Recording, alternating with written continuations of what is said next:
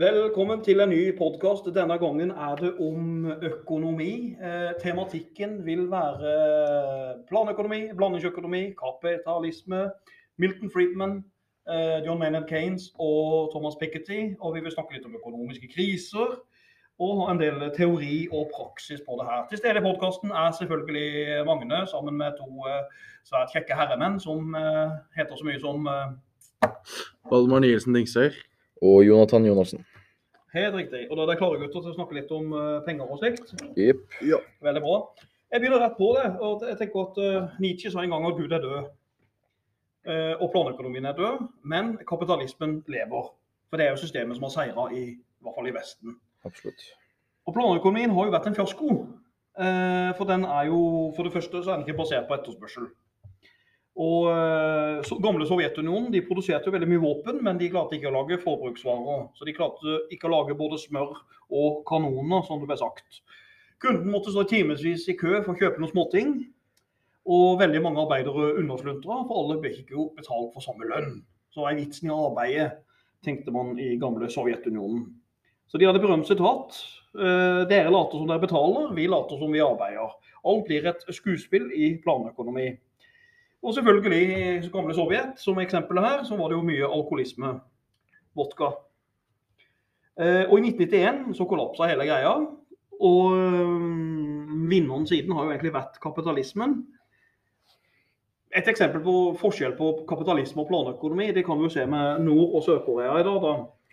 Da kan vi lett stille hvilket spørsmål, hvilket samfunn som er best. Er det Nord-Korea eller Sør-Korea? Og da tror jeg jeg ville levd i Sør-Korea, er det ikke enig i det? Jo. Jo. Det ser mye greier ut i Sør-Korea enn det gjør i Nord-Korea. Av det vi får lov til å se av Nord-Korea. Ikke sant? Absolutt. Så har du kjente merker som de har i Sør-Korea. så De har vært svære, svære innen eksport pga. kapitalismen.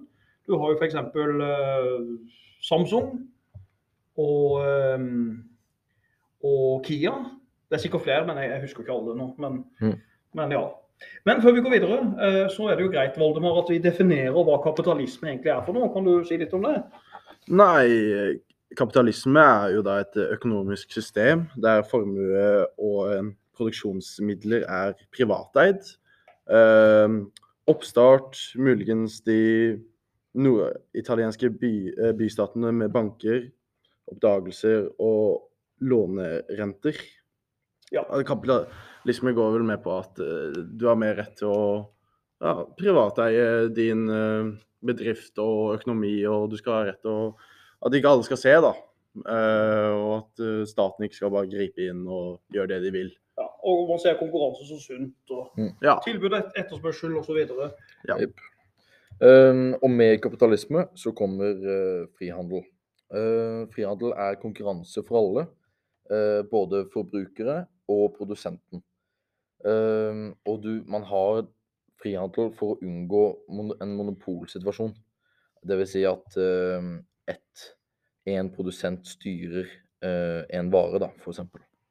Um, og her er tankegangen at nøkkel til vekst er å skape økt forbruk. Vil si at jo mer samfunnet bruker, jo mer eh, vekst i økonomien blir det. Spesialisering av tjenester skaper billigere varer. Så jo flere eh, merker det er ett vare, da vil prisen senke seg. Um, og selvfølgelig, når det er flere merker, så blir det også flere varer som blir produsert, og da vil også prisen gå ned. Um, det som er viktigst her, er at handelen er fri. Staten skal ligge unna. Uh, og man skal prøve å unngå toll og avgifter på varer. Um, I 1776 så skrev Adam Smith en bok som het The Wealth, The Wealth of Nations. Uh, og ja, hvordan skal jeg si det, da? Han, uh, han gir en historisk analyse uh, av sammenhengen mellom politikk og økonomi. Da. Eh, og det og, og der ser jo Adam Smith konkurranse som ganske veldig bra. ja, Positivt. og positivt. Mm. Så det er ikke noe negativt med konkurranse, for det er viktig for Som du sa i stad, Joe, at ikke noen får monopol. Og konkurranse eh, vil gagne alle. Ja. Det er jo tanken til Adam Smith. Er Absolutt. og begrepet som han bruker i boka. Eh, markedets usynlige hånd Ja. er et begrep han bruker. Det er det. Um, og det er det at markedet vet selv hva det vil ha. Uh, Så det vil si at f.eks. i Norge da, så er Pepsi Max veldig populært, og når veldig mange kjøper det, så blir det mer produsert. Uh, og det som ingen vil ha, det er jo bare Det utgår, det går bort, ikke sant. Ja. Så ja. Og statens rolle er jo egentlig bare å være minst mulig, og være en uh, nattvekterstat. Mm. Sikre lov og orden yep. og infrastruktur. Mm. Og så ellers ser man, og han sier i boka, at bakeren lager brød fordi at han vil tjene mest mulig penger. Slakteren slakter for han vil tjene mest mulig penger. Og summen av alles egoisme kommer Gå opp. Ja. Det, ja, det kommer det gode til fellesskapet, da. Ja, rett og slett. Det er sånn man Ja. En annen som er litt lik Adam Smith, er jo David Ricardo, eh, som vi kan nevne her òg. Og David Ricardo har jo teorien økonomisk om noe som heter komparative fortrinn. Eh, David Ricardo han ble jo egentlig styrtrik som aksjemegler. Han. Så han var en av de første jeg vet om som tjente mye på aksjemarkedet. Ja. Eh, han kunne jo levd livet i Exit-serien, dere. Har dere sett den forresten? ja, sett Det har vi. Det er? Ja, dere fornøyd? Ja, en gøy serie, da. Men eh, kanskje ikke en bra livsstil hvis alle hadde fulgt den. Nei, jeg er ikke anbefalt å drive aksjer kombinert med kokain, kanskje. Nei, nei. Farlig. Farlig greier. Men uansett, han, David Ricardo da, han, eh, han ble rik som aksjemegler. Og så lagde han en økonomisk teori som, som går på arbeidsdeling og spesialisering, som fører til suksess. Eh, og det gjelder mest mellom land. Og det han, han har jo en veldig enkel teori, da, eh, altså det med komparative fortrinn. Det er at hver land skal spesialisere seg på det de har best forutsetninger for å lage og produsere. Eksempel han bruker England var gode på bomull den gangen, på 1800-tallet. Bomull og tekstil. Eh, da skulle de gjøre det. Men England har jo ikke geografisk forhold til- å dyrke vin. Eh, Mm. det kunne Portugal og Spania gjøre. Og så Da skal jo de da på en måte spesialisere seg, og så kan de handle på tvers av landegrenser med sitt spesialiserte produkt. Mm. Det er jo tanken. Og Poenget er at alle ville tjene på det, og det betyr økt utenrikshandel. Så Det var liksom den teorien han hadde, han eh, Ricardo, om, eh, om komparative fortrinn. Men eh, så enkelt har det ikke vært, Voldemar. Du kan jo si litt om frihandelsideologien i praksis her. Ja, det er jo som eh, når England eh, som ha, hadde importkontroll, akkurat som USA har i dag. Eh, USA bygde jo opp eh, veldig mye tollmur under Alexander Hamilton f.eks. Og utenlandske produkter fikk høy skatt da, og importavgifter. Eh, som da kalles eh, proteksjonisme. da.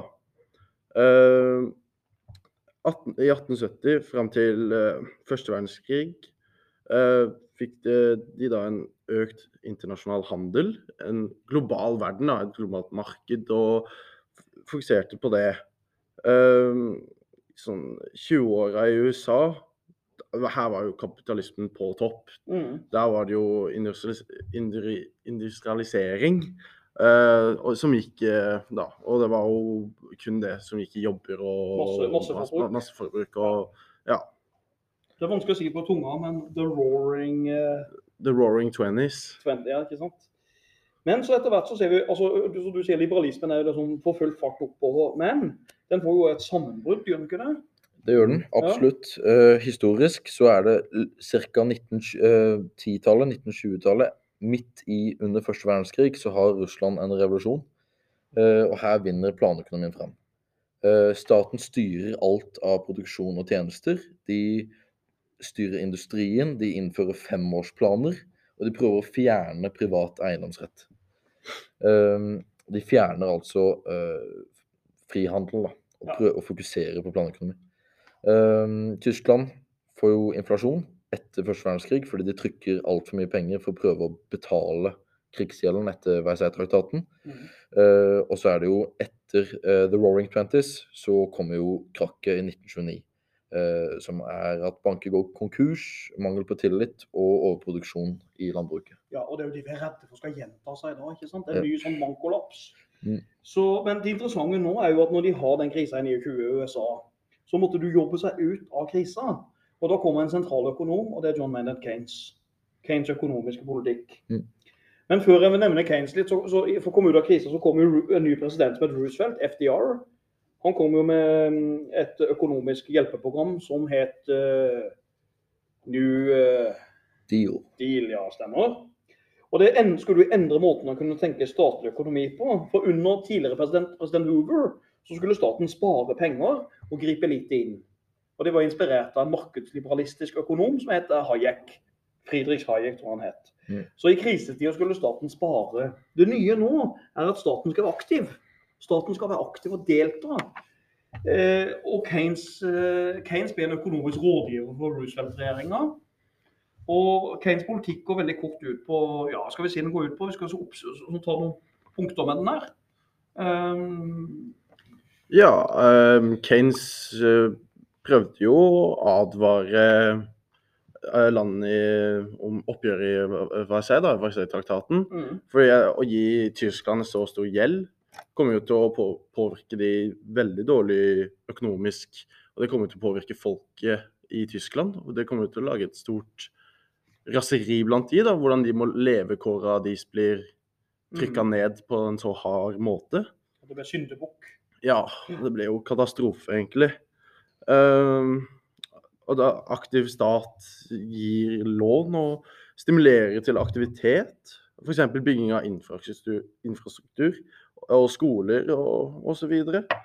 Um, og lavt forbruk gir arbeidsledighet, og de låner bort penger. Og store lån, folk kan ikke betale. Dette Det blir jo helt uh, katastrofe. Ja. Uh, og blandingsøkonomi, noe sånn vel velferdsstat. Uh, blandingsøkonomi er jo en blanding av planøkonomi og markedsøkonomi, da. Ja. Eh, kort sagt. For målet til Keynes det er jo selvfølgelig det at folk skal få økt øh, økt øh, kjøpe... Kjøpekraft. Ja, vil ikke det begrepet? Ja, Jo. kjøpekraft. Og det ser vi jo tydelig med at han setter ut det over 300 000 ungdom rett i arbeid. Mm. Eh, Når de, altså ikke Keynes, men Roosevelt gjør det basert på Keynes økonomiske politikk.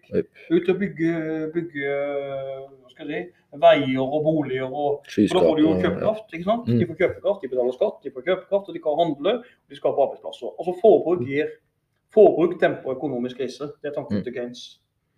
Og De gjorde noe med banker nå i USA, gjorde de ikke det? Jo, banker ble jo gjenåpnet og stengt og gjenåpnet eh, dersom de hadde kontroll på budsjett og tall. Så ble jo en tillit til banksystemet som gikk på spill her. Det gikk nedover, og Mhm. det var jo ikke et godt forhold der, nei. Nei. Mhm. Eh, ja, staten la jo også eh, til rette for økt konkurranse, f.eks. i luftfart og transport. Ja. For det var jo som Joe du sa i stad, kapitalisme vil jo hindre monopolsituasjoner. Mm. Eksempel i dag, de svære selskapene i USA, la meg si Apple og Amazon er vel svære. Ja, Tesla. De, Tesla de har Mm. kanskje for mye makt, ikke sant? så de bør egentlig deles opp. Splittes opp. Det har vært mye snakk om i amerikansk politikk òg. Mm. Norge ble jo også inspirert av Keynes, faktisk. Eh, Vi glemmer jo litt det. I Norge så var det jo um, Arbeiderpartiet som tok makta i 1935. Norsk politikk det er spennende på 30-tallet. Snart Slutt. ja, det er bra. Men um, i Arbeiderpartiet, når de fikk makta i 35, så inngikk de noe kriseforliket med Bondepartiet. I dag heter det Senterpartiet. Senterpartiet. Yes. Og det De gjorde nå, de hadde en deal at Senterpartiet fikk gode priser på landbruksvarer. På kjøtt og melk. Vi skulle ikke importere så mye. Vi skulle lage mer kjøtt og melk på landet. I bytte så skulle Arbeiderpartiet få litt skattepenger og litt lån, eh, stemt igjennom i Stortinget, til å lage infrastruktur og industri. Mm. Så Nygaardsvold-regjeringa, da, Johan Nygaardsvold, gikk inn altså i samarbeid med Bondepartiet for, for å løfte Norge ut av arbeidsledighetskrisa. Og da kommer jo sånne slagord som 'hele folket i Arbeid. arbeid'. ja. Mm. Eh, og noe velferd kom det. Og så lagde de en sånn norsk treårsplan for, å øke industrien i Norge. Det er typisk Keynes-politikk. Der Norge ble veldig store på aluminiumsproduksjon. Kjempesvære på det. Mm. Eh, Sånne kjente steder som Mo i Rana, eh, Årdal. Årdal ja. Sauda. Sau, ja, ikke sant? De klassiske industristedene i Norge. Mm. Som egentlig ikke vil ha besøk av Arbeiderpartiet omtrent i dag. Men nok om det. De føler ikke at de hører seg hjemme. OK, da har vi fått introdusert Kane så mye. Så er det jo egentlig et spørsmål her, da. Kapitalisme tror jo veldig på konkurranse. Vi hører hva dere tenker. Konkurranse er sett på som sunt blant en kapitalist. Men noen som ikke støtter kapitalismen, vil jo se det som en kilde til konflikt mennesker mellom. Hva tenker dere om det? Er det bra med konkurranse, eller er det dårlig? Uh, Ja, jeg vil, eh, jeg vil påstå at konkurranse er sunt. Uh, For eksempel, da. Uh, Hvis du skal gå på trening og du har med deg en treningspartner, så er det jo det, liksom, det blir en konkurranse mellom dere to. da. Hvor, hvor mange repetisjoner klarer du? Og det blir jo litt om pusha, sånn som i økonomisk sett. da. Du pusher bedriften din mer når du ser en annen bedrift gjøre det bedre. Så Ja. vil du gjøre det bedre enn de igjen. Du har noe å strekke deg etter. Ja, du har noe å strekke deg etter. Du blir pusha på en helt annen måte under en konkurranse, med konkurranseinstinkt. Mhm. Du blir pusha på en helt annen måte, som jeg ser på positivt. da. Og er ikke det en naturlig del av mennesker å ville konkurrere òg, og ville kjempe litt og Uh, jo, absolutt. Men med konkurranse så vil du få vinnere, men du vil også få tapere. Og da, skal, da blir en liten kilde til, til konflikt, fordi at mennesker vil ikke leve som tapere. De vil prøve å komme seg ut av det, på en måte. Mm. Og det kan spore opp til f.eks. det som skjedde i Tyskland, da, der det faktisk blir eh, raseri av det. For Ja. eksempel. Og det er jo et spørsmål da, som vi har en utfordring med kapitalismen. Det er jo veldig greit å konkurrere hvis du er sterk. Mm. Altså, Som du sier, Valdemar, på trening kan du godt konkurrere på trening. Hvis du er i grei form. Men møter du en som er mye bedre enn deg, eller en som er mye dårligere enn deg, så er det ikke lik altså, Vil dere trekke hverandre? Altså, sånn Mm. er det i kapitalisme òg. Fattige land som skal konkurrere med rike land, vil jo egentlig ikke ha noen sjanse. Sånn sett er det jo kilde til kritikk. Ja, ja. Mm. At du skaper tapere. Mm. Vinnerne, hva skal vi gjøre med taperne? Skal vinnerne ta alt? Mm. Eller For, for å gå tilbake igjen på det treningseksempelet. da. Hvis det, en, hvis det er to venner, og en av de har benker 100 kg, og den andre benker 40, ja, ikke sant? så kan det jo være at uh, han som benker 40 ikke har lyst mer, fordi at han ser at han som benker 100 er så overlegen. ikke sant? Og det kan reflektere de små landa. da.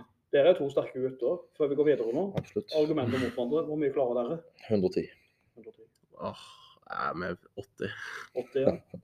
Da kan jeg trygt si at en av dere klarer å løfte med. Veldig bra. Ja. Uten å si noe mer. OK, 70-åra er en som eh, tror jeg ikke brydde seg noe særlig om konkurranse. Om det var sunt eller ikke, for han støtta konkurranse fullt ut. Det er jo Milton Friedman, som er den nye økonomen vi introduserer nå. Nå er vi i 70-åra, altså. Mm. Fordi at um, I 70-åra så endres en del økonomisk. Og veldig mange stater fikk jo stor gjeld pga. Keynes politikk. Veldig stor statsgjeld. Han skulle tompe opp lån og finansiere det. Og eh, land som Italia, England, Hellas i dag låner jo store summer av Norges oljefond for å finansiere seg og holde seg oppe. Mm. Og eh, Milton Friedman foreslo, gikk imot Keynes politikk, og det ble jo kalt mer sånn eh, skal vi si, nyliberalisme. Kanskje vi kan si litt om eh, Milton Friedman, eh, Joe? Eh, ja, Vi kan først prate litt om Milton Friedman. Han var en amerikansk økonom som fikk Nobelsprisen i økonomi i 1976. Han var jo han var en lav mann. Han var 1,52. Ja, ca. som Mao, da. Ja, lave menn styrer verden. Mhm. Det er et kjent ordtak. Um, etterkrigstidens storhetstid var jo over. Eh, mindre industri i Vesten, oljekrise. De arabiske landene som har mye olje, f.eks., de hadde jo femdobbel prisen på olje. Ja, De gjorde det på 70-tallet for å hevne Mm. seg på Vesten. Yep. Og da, da mista vi masse industri. Ja, Absolutt. Og da ble det streiker. Det ble streiker og trøbbel, og kongen Ja. tok trikken Absolutt. i absolutt. Norge. Ja, det kom på trikken. Um, det er jo kritikk av Keynes, Mm. Milton Friedman, eh, som stanser inflasjon. Uh, pengene blir for mye i omløp uh, og for lite verdt. Det er jo det inflasjon er. Ja. Du trykkes for mye, og de blir verdt mindre. Yep. Uh, uh, Capitalism and Freedom-boken uh, ble Adam Smith vekket til- live igjen. Når han hadde vært litt eh, eh, Ja, når han hadde sov- sovet litt, da. Um, staten må ikke ta opp lån, men de må spare. Cut the spending, budsjettkontroll. Um, unngå statlig ineffektivt og sløsing av ressurser. Eh, privatisering er løsningen. Um, ja. Uh, fjern alle reguleringer, minstelønn, priskontroll osv. Uh, alt for å øke produktiviteten. Uh, ja. Og Det betyr at Milton Friedman heller ikke likte sånne statseide bedrifter. Ja. Det var han ikke glad i. Mm. Så de skulle bare legges Ned. eller privatiseres. Privatiseres. Mm. Og da fikk jo visse steder eh, kullgruene i eh, Eh, England? England, Ja, ja. de fikk hørt seg. Ja, Det var jo under Thatcher, som vi kommer tilbake til. ja absolutt. Um, ja, og så uh, Teorien er at du skal redusere skatter og avgifter. Uh, privatisere, sånn som vi var inne på i stad. Helse, pensjon, skole, postvesen. Ikke sant? Alle de store tinga i samfunnet. da. Uh, og her Magne, så kom vi inn på et, et lite punkt som heter trickle down economy. Kan du forklare litt eh, hva det er? Ja, trickle down, trickle down economy. Ja, ja det, det, vi har ikke noe godt norsk ord for det, men Nei. det betyr jeg vet ikke om dere skjønner det, hvis det, det er et kjent uttrykk som er hvis det regner på presten, så drypper det på Har dere hørt det? Nei. Nei, så det på, nei, ingen skjønner, men regner det på presten, så drypper det på klokkeren. Ja. Altså, kommer det mye på noen, så vil de spre det videre til andre igjen. Altså, Enkelt sagt, da, trickle down betyr la de rike bli rikere, fordi for, de rikes forbruk vil øke antall arbeidsplasser. Ja. Og øke verdiskapning i samfunnet. Mm. Da får de f.eks. råd til å ansette flere folk, de får råd til høyere forbruk, og det vil de skape mer arbeidsplasser. Mm. Så hvis vi overfører det til Norge med den laksedebatten nå, da, med, Ja. med skatt på laks, Mm. så vil jo de sjøl si at uh, la oss beholde mer av det vi eier og driver, for da kan vi investere i flere arbeidsplasser. Ja. Skatter dere oss, så vil dere ta penger fra oss, og vi må flytte ut, Mm. og så det, det er trickle down economy. Til amerikansk måte å tenke på, og Milton Friedman nå. Ja. Uh, det ble kjent på som Chicago-skolen, dette her da. Mm. For det var der Milton Friedmans gjeng var fra. Chicago-skolen innen økonomi. Mm. Så uh, ja. Ja. Så uh, altså Friedman versus Keynes eh, kan jo best oppsummeres som bedriftsøkonomi, hva som skaper overskudd, versus samfunnsøkonomi, hva, hva som er det beste for samfunnet. Da. Det syns det egentlig var greit sagt. Mm. Det er jo det. Og det er klart at Inspirert av, av Friedman, det var jo tre statsledere. Da har vi jo tre kose, koselige folk her. Vi har eh, Ronald Reagan ja, Margaret Thatcher. Uh, og Willoch. og Mr. Kåre Willoch. Yep. Jeg tar kort om de da. Reagan han, han, når han ble valgt til president i USA i 1980-81, han ble innvalgt uh, januar 81, Mm. Så eh, går jo han rett til angrep på myndighetene. Problemet i USA det var big government. Problemet var Washington DC. Eh, og han ville redusere skatter og avgifter, og gikk til kamp mot fagforeninger. Noe av det første han gjorde som president, var å knuse en flyvelederstreik. Så det var jo typisk en langt til høyre-mann, og han støtta Milton Friedman fullt ut. Staten er ikke løsningen, staten var problemet for Reagan. Sånn tenkte han politikken. Og det han gjorde, var jo at han øhm, kjørte på og ga skattelette til mye av de rike i USA. Mm. Og sånn sett skapte han et to, vi kaller det to tredjedelssamfunn. Det betyr et samfunn der to tredjedeler har god økonomi, og en tredjedel har dårlig økonomi, og jobber for de andre to tredjedelene. Ja. Det er kanskje litt av konsekvensen av det med Milton Friedmans økonomiske politikk. Thatcher i England gjorde jo noe av det samme. Hun var jo veldig høyrevridd. Hun gjorde en rett, når hun kom til makta i 79, så gjorde hun en rekke sånne kutt, offentlige kutt. Og hun tenkte jo kun bedriftsøkonomi. Mm. Og det var å skjære ned i de gamle statsbedriftene Mm. og redusere det. Hun var jo en kjøpmannsdatter, så hun tenker jo ofte Det var hun. mye sånn. Men litt surprise, eh, så hadde hun en ganske høy grad i fysikk. Ja. Eller kjemi. Det var en av de to. Ja. Det var en vanskelig dame. Ja, det elsker Thatcher. Willoch i Norge. Kåre Willoch i Norge. Han var jo statsminister fra 81 til 86. Og han endra litt i norsk politikk òg. Vi har lenge vært styrt av sosialdemokratiet. ikke sant? Så kommer Kåre Willoch på Høyre, og han eh, begynte jo å gjøre butikker holde åpne lenger, f.eks. Butikker får holde åpne lenger. Det ble ikke mer statlige støtteordninger for bedriftene. De kutta jo den billige strømordninga de hadde, f.eks. under Willoch. Og markedet skulle regulere seg sjøl. Og reguleringer på banker. Banker kunne låne mer penger enn før. For den ble fjerna under Willoch. Det var kanskje ikke så lurt. Nei. For da fikk jo folk plutselig en ganske stor gjeld, og renta gikk jo veldig opp under Willoch òg. Mm. Eh, vi kom inn i det vi kaller jappetida. Eh, rikhetstida i Norge der det var en del sånne japper. Eh, Arbeiderpartiet, når de fikk makta under Gro Harlem Brundtland etter hvert, så gjorde egentlig kanskje de lite for å endre, endre Willochs politikk. Brundtland kjørte jo på med mye av samme politikken. Ja. Og Arbeiderpartiet ble beskyldt for den gangen for å stjåle Høyres klær. Noe de gjør i dag òg. Ja. At Høyre og Ap blir fryktelig like. Mm. Men i bunn og grunn så har jo Norge unngått veldig mye liberalisering. fordi vi er jo så styrtrike på olje og gass og fisk og sånn at staten kan ofte pumpe inn mye penger hvis vi sliter. Så vi kan fort kjøre Keynes-politikk. Ja. Selv om vi av og til har flørta litt med, med han Friedman, da. Mm. Det har vi gjort. Yes. Uh, Ja, men uh, har Friedman egentlig hatt noe suksess?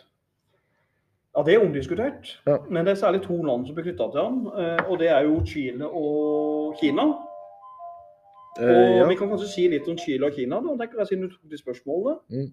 For, eh, ja, Ja, for Chile, Chile først, kanskje litt? Ja, vi kan ta litt om Chile. De var jo f.eks. en uh, spansk koloni først, uh, som da ble selvstendige i 1810. Uh, hvis vi går litt fremover i tid, da. Eh, så i 1970 ble jo en mann med navn eh, Salvador Allende valgt som leder i Chile. Eh, Allende var jo da en sosialist, eh, og i hans periode gjorde han bl.a. USAs eide kobbergruver om til statlige chilenske foretak. Derfor blir han motarbeidet av både innenlandske og amerikanske foretak, som f.eks. CIA. CIA, ja. CIA, de liker å ta ned folk, de. Uh, resultatet av Allendes politikk var at informasjonen i begynnelsen av 1973 kom helt ut av kontroll. Mm. Uh, 26. mai 1973 erklærte Chiles høyesterett enstemmig at Alendes Allendes regime var i strid med konstitusjonen. Dette førte til at Allende ble eh, styret i en militærkupp 11.9.1973. Eh, presidentpalasset, eh, hvor Alende og hans medarbeidere befant seg, eh, de, er- det ble jo da bombet med fly innen ble angrepet med stridsvogn og soldater. Presidenten Alende og hans folk forsvarte seg, eh, som de alle ville gjort når de blir angrepet. Eh, eh, I en rekke timer holdt det her på, da. Eh, da kampen var slutt, var Alende død. Eh, frem til 1990 ble landet styrt som et militærdiktatur under ledelse av Augusto Poniquet, tror jeg det Jeg, jeg er. tror du sier Pinochet. Pinochet var det. Pinochet, det er så vanskelig å uttale det navnet. Nei, ja, det var den det- Klarer aldri å si det riktig. Nei, Pinochet det er helt greit. Men det er klart at uh, du har peiling på Chile, du. Du er Chile-ekspert. Ja, Det er hobbyen din, jeg liker Sør-Amerika. skjønner jeg. Jeg liker én ting med Sør-Amerika. To ting liker jeg med Sør-Amerika. Ja. Jeg vil ikke si hva, men jeg kan gjette. Det er to Eh. ting som er veldig bra. Damene og den øh, kaotiske politikken. Du traff på én. Ja. Mm. Har det noe med Colombia å gjøre? Nei. Nei. Nei, Og det har noe med en rund ball å gjøre. Ah, fotball. Ja, ja, ja. ja, ja. Det var nesten, da. Ja, det var nesten. Men Friedman var jo så fornøyd, for denne Friedman han tar jo etter hvert over Blir jo sånn økonomisk rådgiver for Chile. Mm. Og så gjennomfører han det han sjøl kaller det økonomiske mirakelet i Chile. han eh, Friedman. Og Hva er det egentlig som skjer da med det økonomiske mirakelet i Chile? Ja, altså, Un- under Pinochet, da. ja. Uh, alt blir pri øh, privatisert. Alt sammen. Uh, alt i samfunnet. Uh, og valutaen blir nedskrevet. Mhm. Det betyr at de tapper sin, e- altså, de sin egen valuta blir verdt mindre. Mhm. Sånn at eksporten blir veldig fin, og importen blir litt verre. Ja. Eh, noe som hjalp til da, i, under den tida her. Um, og mange, og spesielt Friedmann selv, eh, mente jo at eh, den økonomiske politikken som ble ført i Chile under Pinochet eh, sitt styre, gjorde underverket for landet. Noe det egentlig gjorde. Når du viser på fattigdommen, altså tallene da, på fattigdommen i Chile, um, eh, fra sånn 1987-ish til sånn 2000-tallet, mm. så ble den eh, fattigdommen nesten halvert fra 45 av befolkningen til 22% Noe som altså Det er, det er drøy, drøyt, altså. Ja. Og Går du på FNs HDI-indeks, så ligger jo Chile ganske greit an, gjør det ikke det? Absolutt. Det er eh, en av de høyeste HDI-rangeringene i Ja. eh, Sør-Amerika. Mm. Men jeg vil jo gi Friedman raskt litt kritikk her, da, litt kritikk av Friedman. For det at uh, mirakelet i Chile kan jo tyde på at en, en del av de motsatte tingene har skjedd her. Det blir litt detaljer nå, da, men um, um, Vi kan jo si det at uh, altså i 1970 så levde cirka, mine tall da, så levde ca. 20% av Chiles befolkning under fattigdomsgrensa. Uh, Men når Pinochet gikk av, som altså Pinochet som var inspirert av Friedman, så levde 40% av befolkningen under fattigdomsgrensa. Det er jo en dobling, nesten. Altså det er en dobling. Ja, ja. I praksis så tror jeg det betyr en ting. At jeg tror Milton Friedman lykkes veldig godt med det å øke landets samla verdiskapning. Øke BNP, øke kjøpekraften. Men han lykkes ikke å fordele det øh, økonomisk ja rettferdig. rettferdig. Ja. Ja. For det er jo ikke det han er opptatt av. Nei. Så de, de privatiserte jo koppergruver der, og mange mista jo jobben. Eh, Og ehm, fremdeles er det jo sånn at landets koppergruver det er jo eh, gått tilbake til noe statlig kontroll. De har ikke valgt å privatisere de nasjonale ressursene som de hadde akkurat der. Har de valgt å holde det utenfor. Mm. Så det er litt sånn omdiskutert hvorvidt uh, Friedman lykkes eller ikke lykkes i, uh, i uh, Chile. Jau, så er det den her Når vi snakker om eh, Chile, så var det jo en som het Naomi Klein, Klein som, som, som kalte det sjokkdoktrinen. Valdemar, hva, hva innebærer sjokkdoktrinen Ja, økonomisk? ja men eh, denne da Naomi Klein, som du sa, Ja. var jo da en kanadisk forfatter som leverer en bok som heter 'Sjokkdoktrinen'. K uh, 'Katastrofekapitalismens fremmarsj' er navnet på denne boken. Ja. Dette er jo da en kritikk av den økonomiske doktrinen som Chicago Boys fikk gjennomført av Pinochet Chile, hvor bl.a. privatisering, deregulering og skattelettelser inngikk som kur for landets økonomi. Klein viser til at nyliberalistiske reformer ikke ble interessert på demokratisk vis, men gjennom et sjokk. En revolusjon om du vil. altså Bare smack, så var de der. Og så mista masse folk arbeidsplassen osv. Ja, I statlig industri. Mm. ja. Men uh, Jonathan, hva er da konsekvensene med dette? Uh, ja, altså Konsekvensene som Chile fikk, da, er jo at uh, det er et av landene i verden med størst forskjell mellom fattige og rike. Eh, 45 40, altså 45 der snakker vi nesten halvparten av befolkningen, lever under fattigdomsgrensen. Noe som er veldig sykt. Men igjen så har landet et høyt BNP. Ja, det har det jo. Mm. Så det er jo det vi sier. Du, Milton Friedman er nok veldig bra på å skape høy verdiskapning, høy vekst, yep. men det er det med fordelinga. Og Ja. Keynes er bedre på. Mm. Den ene tar det andre. Ja. Men uh, hva, med, hva med Kina her, da? Vi så jo Chile. Uh, noen mener jo Friedman lykkes godt i Kina òg. Uh, ja. eh, under Mao. eh, han tar makten og innfører kommunisme og planøkonomi. Eh, og med det så kommer jo sult og overbefolkning. Eh, Mao dør. eh, Deng Xi, Xiaoping tar over. Eh, Deng åpner for Kina for eh, eh, kapitalisme. Ja. Etter Mao sin eh, etter Mao går bort. Etter 76 og på 80-tallet så begynner Kina å gå mer og mer mot kapitalistisk. Mm. Mm. Overraskende, selv det er kommunistisk land. Ja, og Og så sier jo Deng, Deng har jo berømt utsagn for å fjerne sult. Absolutt. Husker dere den? Er med katter og mus og ja. eh, det spiller ingen rolle hva slags farge katten har, så lenge den spiser mus. Er det ikke det? Jo. I praksis betyr det at alt er tillatt for å fjerne sult og fattigdom. Ja. Det er det det betyr. Mm. Og det er jo klart at uh, når man snakker om katt, så er det jo fristende å se hvem som er best av oss til mjaue. Det er det Altså, hvem, hvem er den beste Uh, Jeg er veldig god mjauer, um, så jeg begynner. Prøv det. Vi må høre her. En kommunistisk håndkatt. Eh, ja, uh, og en uh, litt sånn kapitalistisk hundkatt.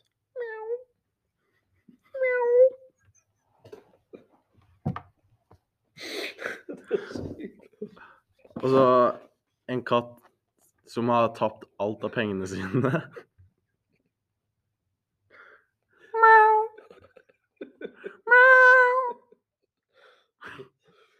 Ja, jeg kan, ja, det er greit jeg sitter med russer, men vi er også edrue. det.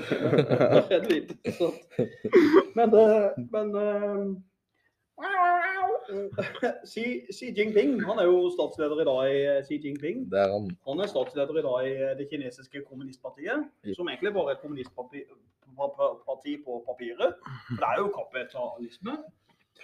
Og jeg tror ikke han har så mye til felles med Maos gamle parti fra 30-tallet, der Mao var spartansk og bodde i en hule og svømte og hadde minimalistisk forbruk. Mm. For Kina i dag er jo ganske kapitalistiske, dere. Kan vi ikke si det? Jo, Oh, det det er jo kjennetegn på kapitalisme som I alt. Spesielt Ja. altså masseproduksjon vil jeg Mhm. si er noe av det me mest uh, sentrale i kapitalisme, da, mm. egentlig. Og det ser vi jo nå veldig mye i Kina. Ja. Mm. Med alt, alt er jo markert made in China. Alt ja, det er det. Ja. Går du på Biltema en tur, så er det Made in China i alle butikker. Ja. Miljøødeleggelser. Altså, de har jo tatt, tatt kraftig på miljøet der. Forurensa elver og fabrikker og Mm. Smog og munnbind og det ene og det andre. Mm. Og så bruker de jo veldig mye sånn kontraktsarbeid i Kina. De gir jo ikke folk fast jobb, de jobber på kontrakter. Ja. Så når jobben er ferdig, så er det finn deg noe nytt. Så Mm. det er ikke noe mye arbeidsmiljølov der eller rettigheter til arbeiderne. Det er det jo heller ikke. Nei. Eh, Sånn eh, kontraktarbeid, er det mye av det i Norge òg? Det e- egentlig ikke så mye. For Norge har vi arbeidsmiljøloven ganske sterkt, ikke sant? Ja, mm. men vi benytter oss jo av det. Ja. Vi gjør det. Mm. Men det er jo en del av de multinasjonale selskapene i Norge som, som benytter seg av det. Ja. Og folk takker ja til å ta sånne jobb på løse kvister. Mm. Men det er stadig mer bruk av vikariater i Norge. Men det er jo en Ja. litt annen debatt. Men Mm. fast jobb er litt vanskeligere. Mm. Det ser vi jo. Jo, lønningene i Kina blir jo også desto lavere da, for konkurransen. Mm. ikke sant? Altså Konkurransen skal være der. Absolutt. Ja. Ja. Og så reiser jo um, et kapitalistisk land som Kina har jo ikke nok ressurser, så de tar turen over uh, Til der ressursene er, Af Afrika. Ja. Mm. Nettopp. Så de samarbeider jo med Afrika en del. Um, og mye teknologi har de jo i Kina. Mye. Absolutt. Det Eh, spesialiserer de seg på.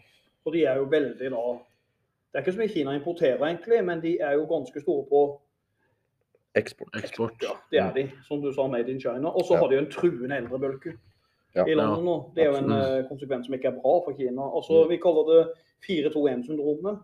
Og det betyr at de har Eh, Det er fire som lager to barn som lager ett barn. Ja, nesten. Nesten. Altså, ja, jeg skjønner hva du mener. Ja. Men det betyr fire besteforeldre, Ja. to foreldre og så ett barn. Et barn. Ja. Du er jo inne på det, da. Så Mm. det betyr at de går mot en eldrebølge, Mm. eh, Kina. Samme som oss her i Norge. Ja, egentlig så gjør det det. Ja. Nå har jo vi litt eh, Skal vi si Bedre forhold, Ja, kanskje. jeg vil påstå det. Ja. Mens kineserne vi snuser, mens kineserne røyker. Ja. Mm. Og uh, begynner å slite med det. Mm. Men Verdensbanken, for å ta den, den har jo videreført en del av Milton Friedmans tanker. Eh, For Verdensbanken har jo, den gir jo lån og støtte til en del fattige land, men så krever Verdensbanken tilbake. Verdensbanken er jo, altså den ligger i Washington DC. Og den krever, det den krever tilbake, er jo ofte eh, privatisering og kutt. At OK, du kan få penger av oss, men dere skal privatisere og kutte. Og så har de noe som kalles strukturelt tilpass... Unnskyld uttrykket, men strukturelt tilpasningsprogram. Og det er noe Mottar du penger fra Verdensbanken, må du godta det strukturelle tilpasningsprogrammet. Og det betyr at du må godta frihandel. Du må godta budsjettbalanse. Eh, Du må åpne opp for investeringer fra utlandet. Det er vanskelig for fattige land. Du blir nødt til å åpne opp for at f.eks. multinasjonale selskaper kan investere. Og Joe, du må godta det du sa i stad, at uh, sånn valutadevaluering, altså at du Mm. skriver ned hjemlig valuta. Og det er jo for å sikre en handelsbalanse. Ja. Altså lavere valutakurs i forhold til andre lands valuta. Eh, Sagt veldig enkelt, og strukturell tilpasning det går på at du skal bli kapitalistisk og Mm. tilpasse deg eh, mottakerlandet. Da sletter de gjeld, og da gir de lån. Så dette er jo bli som oss. Hvis ikke, så får du ikke noe penger. Mm. Og sånn sett viderefører Verdensbanken Milton Friedmans eh, tanker. Eh, men jeg tenker vi må jo nevne, når vi snakker økonomi, så må vi gå innom finanskrisa i 2008. Ja. For da det krakk i 29, som var ille. Men finanskrisa i 2008, hva er det egentlig som gikk så gærent der? Nei, her er det jo motpoler i økonomien, og motpoler økonomisk er jo aldri bra.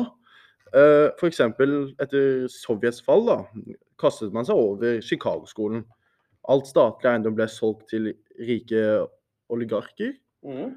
Og nå i nyere tid så ser vi jo Putin prøver å hente dette tilbake. Ja.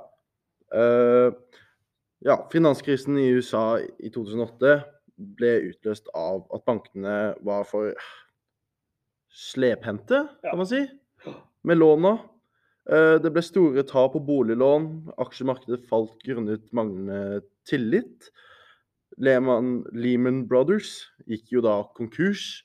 Eh, Masse penger. Nettopp bare en liten kommentar der. og det ser vi at i, sånn som i USA i 2008, så lånte de ut altfor mye penger i forhold til hva boligen er verdt. Ja. Altså Det er misforhold mellom skal vi si, eh, mellom lån og realverdi, altså hva ting egentlig er verdt. og Da har du et problem.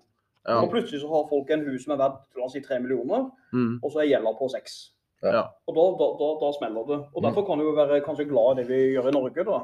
ja, At, eh, i Norge så kjører vi noe som heter eh, noe, altså 15% egenkapital ved kjøp av bolig. Ja. Se på ditt eget kapital før du kan få et lån, eh, for å se om du klarer da, å betale tilbake når du skal ta et lån i banken. Dette var jo ikke noe de så på i 2008. Da var det bare å ta opp lån, og så var det ikke noe egentlig fokus på om du klarte å betale dette tilbake. Ja, og så gikk jo det her stein galt eh, på Island. Ja. På Island hadde jo bankene forpliktelser som oversteg landets BNP ni ganger. Tre store banker gikk konkurs, og staten kunne ikke redde dem i litt engang. Mm. Ja. Ja, og i USA gikk jo Federal Reserve, altså sentralbanken, inn med en redningspakke på 182 milliarder dollar. Det er helt syke summer. Det er en vill sum. Og tenk hvem som betaler de regningene til slutt. Det er eh, skattebetalerne. Skattebetalerne. Det Ja. er folk. Ja, og de svære bankene de vet ikke å investere. for at Hvis du slår én konkurs, så vil det få så uheldig ringvirkning at du, du vil ramme så mange i samfunnet. Derfor vet jeg at de kan holde på å tulle sånn. De Mm. blir redda. Nå ble jo nettopp en sveitsisk bank også redda. Mm. Swiss Bank. Mm. kreativt navn. Den ble redda oppkjøpt av en bank, for det rammer så mange andre bedrifter. Det, det, kan skape resesjon og tilbakeslag i økonomien. Mm. Mm. Her ble jo også det en film laget om, da. Det er Big Short. Noen som har sett den? Den har jeg sett. Du har sett den? Ja. Der, de går jo veldig inn på noen uh, aksjemenn som bare går rundt og spør folk som har lån, da. Mm. Spør sånn, ja, Hvor mange hus har du? Så var det en dame som sa hun hadde åtte hus, og så hadde hun egentlig ikke noe fast jobb. Mm. Skjønte de jo at Da begynte de å skjønne at det her skulle gå helt galt. Ja, ikke sant. Mm. Jeg husker det, den filmen med blant annet var det Matthew McConney og uh, Christian Bale. Christian Christian Bale. Bale, ja. Mm. som hy, han kynisk glatt eh, eh, bankfolk, holdt jeg på å si, og meglere. Ja. Ja. Wall Street er også en bra film jeg kan se hvis jeg liker sånn Ja, The eh, Wolf, The Wolf of Wall Street. Ja, Wolf of Wall Street, og så er det gamle Wall Street. Var sånne forskjellige bankfilmer. ja. Greed is good, sier de i Wall Street. Greed is good. jeg vil si Wolf of Wall Street overgår de alle. Mm. Veldig bra. Leonardo DiCaprio nok en gang sammen med alle unge damer der òg. Ja, han, eh, han liker det. Mm, elsker det. Men uh, Keynes gjorde jo etter finanskrisa, så var det jo tid for Keynes comeback igjen i økonomisk sammenheng. Da kommer Keynes comeback i, altså etter 2008. Det er helt riktig. tilbake. Helt riktig. Uh, Og her ser vi jo det skjønte sitatet 'History repeats itself'. Ikke sant? Ting kommer tilbake igjen. Eh, Og spesielt i USA, Norge, Island, Tyskland og Frankrike eh, måtte sette inn tiltak for å få økt vekst tilbake igjen.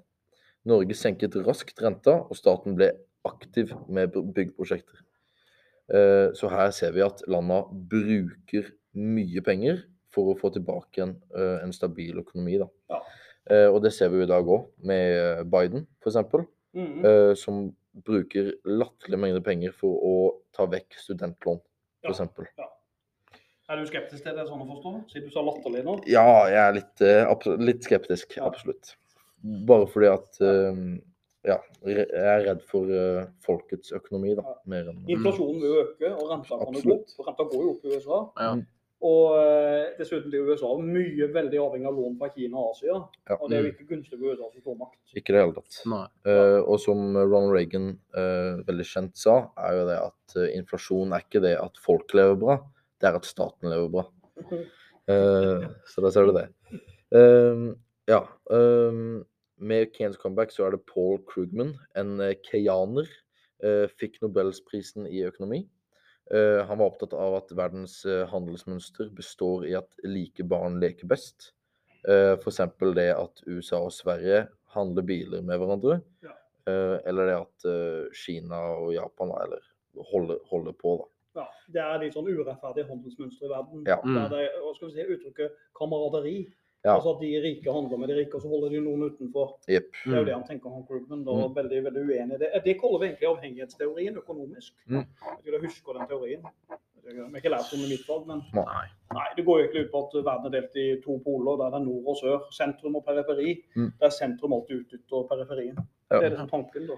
Men uh, ja, etter det er Kanes comebacket, da. Uh, hva, hva skjer med Norge, Magne? Hva, hva gjør vi? Ja, etter 2008 så, Mm. så i Norge så har vi hatt en del eh, økte forskjeller her. Eh, Men de forskjellene i Norge vi har altså Det er jo så negativt når vi har økte forskjeller i Norge. Men det skyldes jo veldig mye at vi har hatt veldig høy inntektsvekst i Norge. Gjennomsnittlig høy inntektsvekst. Så i dag har vi jo, er det gjennomsnittlig årslønn på 640 000. Da er vi altså i 2023. Ja. mm. Denne podkasten blir gammel, da tallene har endra seg. Yep. Men 640 000 i året er mye. Mm. Og det kan du tenke de som øker mye i lønn, da vil det alltid være en 20-30 som ikke henger med i den økninga, og de vil jo bli fattigere og fattigere. Ja. Er med på den? Mm. Så når noen blir veldig rikere, så vil resten bli fattigere. Mm. F.eks. folk som er uføretrygda, Ja. ikke-vestlige innvandrere, eh, Ja. funksjonshemninger, folk som ikke kan være i Mm. arbeidslivet. Eh, Vil nok slite i Norge i fremtida, det ser vi jo nå òg. Mm. Så vi har altså oppsummert, vi har en høy gjennomsnittlig lønnsvekst, men det er ikke alle som er med på den. Nei. Det Så, er sentralt å få fram. Og barnefattigdommen blir ikke mindre. Nei.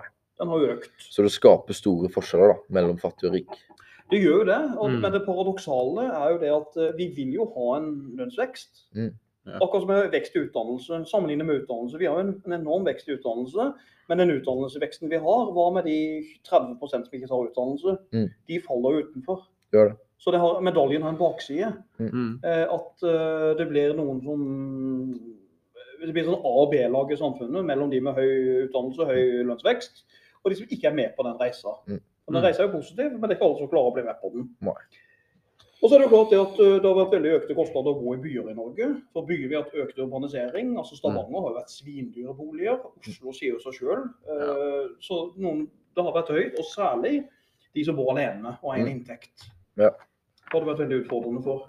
Uh, Valmer, har ikke du en tante som kjøpte en bolig i Oslo for en stund siden? Ja, det har jeg. Hun, hun driver og leier ut og litt sånn, da. Så hun har noen leiligheter i Frogner der. Ja. Så hun har to, to der. og Oslo vest.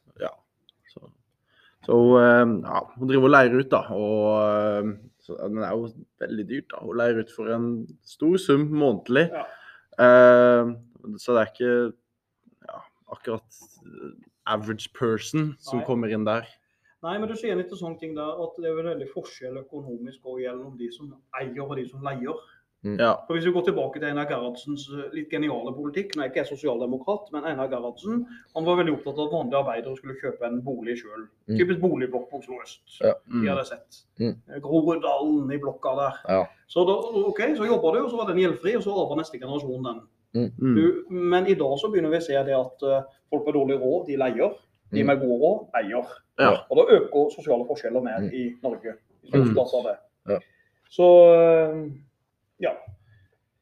Eh, ja, skal vi si. Og så er det klart at Thomas Piketty er litt innpå det her, han òg. han uh, franske økonomen. Vi kan nesten avslutte litt med han. Ja. Han er jo inne på den tematikken om fattigdom. Og Mm. han eh, skrev jo en bok, eh, hva den het for noe igjen? Uh, og stoppa litt opp her, den uh, uh, eh, kapitalen? det tror jeg stemmer. Kapitalen skrev han. Kapitalen var vel eh, Jeg husker iallfall noen hovedpoengene her. Jeg vet ikke om dere husker det, men han, eh, han har vel det at Den ene poenget er vel at uh, vi går mot økte forskjeller fordi at Eh, rikdom går i arv, f.eks. Nettopp. Fordi at skandinaviske land har kutta ut skatt på arv. Mm. Sosialdemokratiene gjorde det. Og det er han veldig uenig i. Han mener at arven opprettholder sosiale forskjeller. Mm. Nå syns jeg at det er litt rettferdig òg, for penger som er arva har du allerede skatta av. Ja. Så hvor mye skal man egentlig skatte? Ja. Det er spørsmålet. Skal man skatte absolutt alt? Og hvis man skal skatte absolutt alt, så vil jo kapitalismen svinne litt hen, da. For det er ikke noe vits i å jobbe veldig mye for å tjene penger til f.eks. barna dine og Ja. sånn. Ja, det er jo harde hardjobba penger som du har skatta før av og spart opp til barna dine, da. Og så når barna dine først skal få de, så skal du skatte enda mer av de. Ja, ikke sant. Og så er det jo klart, så sier han Piketty videre at inntekten Han mener jo at inntekten avtar i forhold til stabil avkastning på økonomi. Altså Sagt litt enkelt så betyr det at de med mye kapital de har penger til å investere og gamble i aksjer og fond, og Mm. de tjener mer på det enn hva lønnsveksten blir. Mm. Jeg er ikke sikker på om det er helt relevant, relevant i forhold til Norge, men er det land og land, så tror jeg nok det er mer relevant. Ja. Ja.